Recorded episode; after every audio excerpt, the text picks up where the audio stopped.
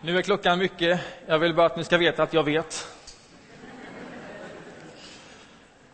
Vi har ingen lång predikan eh, framför oss här, eh, men några av konfirmanderna ska spela här mellan eh, predikan och nattvarden som kommer. Så någonting måste jag säga så att de hinner byta om och komma upp här och spela. Så håll ut ett stycke till. Den här texten som Ingmar läste inför dopet, som vi står på i den här handlingen som vi nu har sett, den ska jag kommentera helt kort. Därför att det är förmodligen den kaxigaste texten i hela Bibeln. Det är förmodligen den mest anspråksfulla texten som finns att läsa i hela Bibeln. Det finns ingen blygsamhet i den.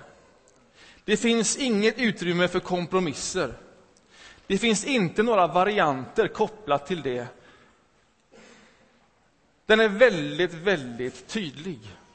Det är lite som i veckan jag talade med min mellangrabb som spelar fotboll och så hade de haft en, en match här i veckan och han gjorde mål. Och då blir man ju stolt. Jag vill uppmuntra honom bara så. Va? Och han är vänsterhänt, men på fötterna så verkar det som att han är liksom ganska bra på bägge fötterna. Så jag frågade honom, vilken är egentligen din bästa fot? Då tittar han på mig och bara låter mig förstå att det var helt fel fråga. Och så säger han, de är lika bra. Precis som Messi. Jag och Messi. Två korta världsspelare. Alltså det fanns ingen blygsamhet, fanns inget utrymme för tveksamhet i det. Utan så här ligger det till. Och det här är en sån text. Det här är precis en sån text. Eh, det är nästan en sån text som jag har jobbigt med. Därför att jag vill gärna se att det finns en annan sida av myntet också. Men här är det inte så. Här är det väldigt enkelt. Bara känn på det här uttrycket. All makt. Så läste Ingmar. Och det är ord från Jesus, alltså åt mig har getts all makt. Det är sånt där otäckt ord. Vi läser Bröderna Lejonhjärta hemma. Och där har man det där otäcka ordet för att passera igenom. Och det är de här svartklädda vakterna som säger det där passerordet all makt åt Tengil. Jag tycker fortfarande det är otäckt att läsa det där. Det är som att jag minns det från min egen uppväxt, när man läste det där. Och det var oändligt otäckt. Alltså all makt. Ett totalt anspråk. Vad ska man göra med det? Och så säger Jesus precis så. All makt är given åt mig. Och vem som har makt, det gör ju en stor skillnad för våra liv. Man kan ju tänka om sitt liv att vi har väldigt mycket egen makt. Vi kan påverka våra liv, vi kan fatta egna beslut, vi kan göra ganska mycket liksom, med det utrymmet vi har. Den möjligheten vi har. Men så vet vi också att vi är extremt påverkade av andra makter. Av extern makt. Det kommer in en ny arbetsledare, en ny chef på arbetsplatsen. Och så vet man att även om jag har en frihet och kan bestämma någonting, så gör det någonting med hela situationen. Man förfogar liksom inte över det. Det är väl därför som när man ska välja president i USA, så får det jättemycket utrymme på tv. Och det är inte bara för att det är en tävling och spännande, utan för den som får väldigt mycket makt kommer också att påverka väldigt mycket annat. Och därför så intresserar vi oss för ett val som det i vårt land. Det är ju egentligen ganska märkligt. Men det är inte märkligt när man talar om makt. Den som har mycket, mycket makt gör en skillnad och påverkar väldigt mycket. Och så säger Jesus, åt mig har getts inte lite makt, utan all makt. Och för att stryka under att det är all makt så säger han på himlen och på jorden. Alltså, nu pratar vi all makt. Det finns ingen blygsamhet. Allt detta har jag fått. Och vad är det för makt egentligen? Vad är det för makt? Ja, om man tänker på varför USA får jättemycket utrymme så är det naturligtvis för att det är en stark ekonomisk makt. Här kan man påverka genom politiska beslut och annat. Men det är också en militär makt. En kärnvapennation. En av några stycken. Och de där bevakar vi noga. Därför att det är liksom den yttersta makten, den som kan ta liv. den som har den möjligheten i sina händer, det är den yttersta makten. Och så säger Jesus, åt mig har getts all makt. All makt. Vad är det han har fått? Så här skulle jag vilja uttrycka det.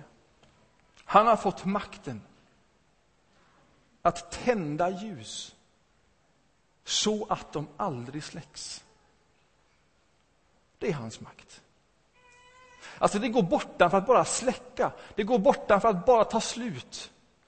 Han har fått makten att tända ljus som aldrig, aldrig kan släckas.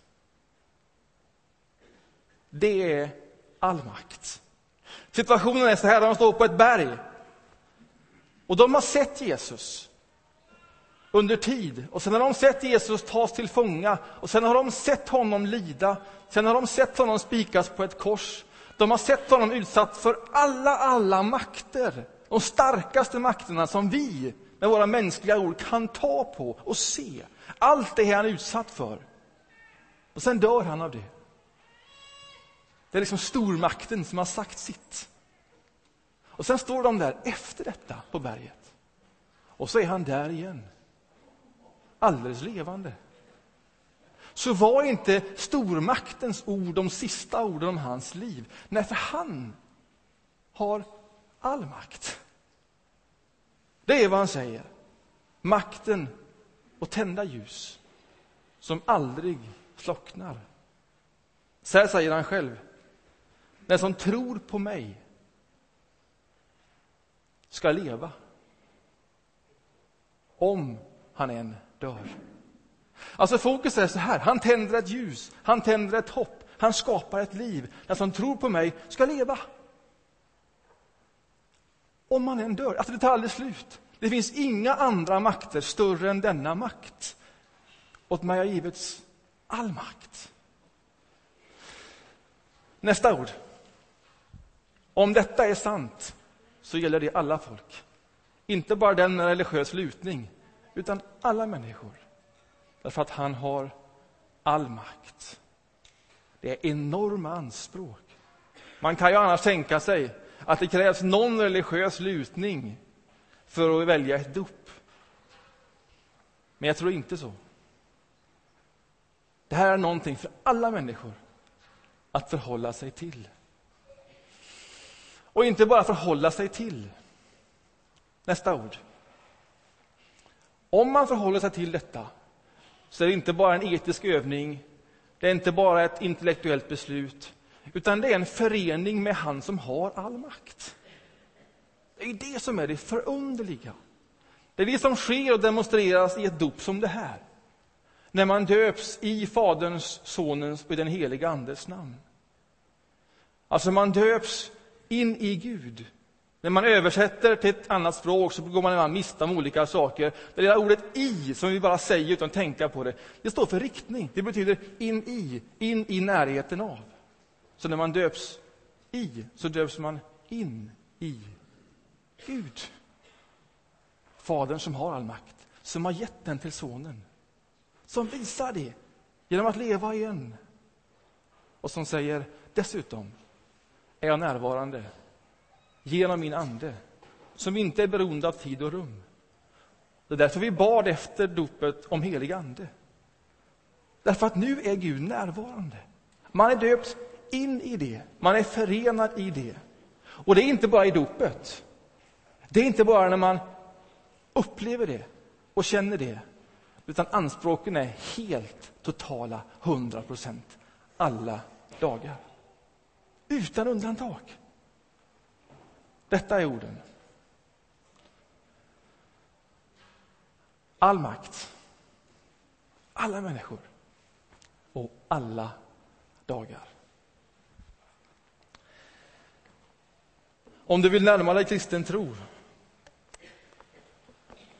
så är det här vägen att gå. Man uttrycker sin tro, sin tillit. Kanske kan det vara så att någon har den yttersta makten. Kanske kan det vara så att jag är en av alla. Om inte annat skulle jag önska att alla dagar, alla dagar är Gud nära mig. Den möjligheten finns. Är ni på plats nu, ni som ska spela?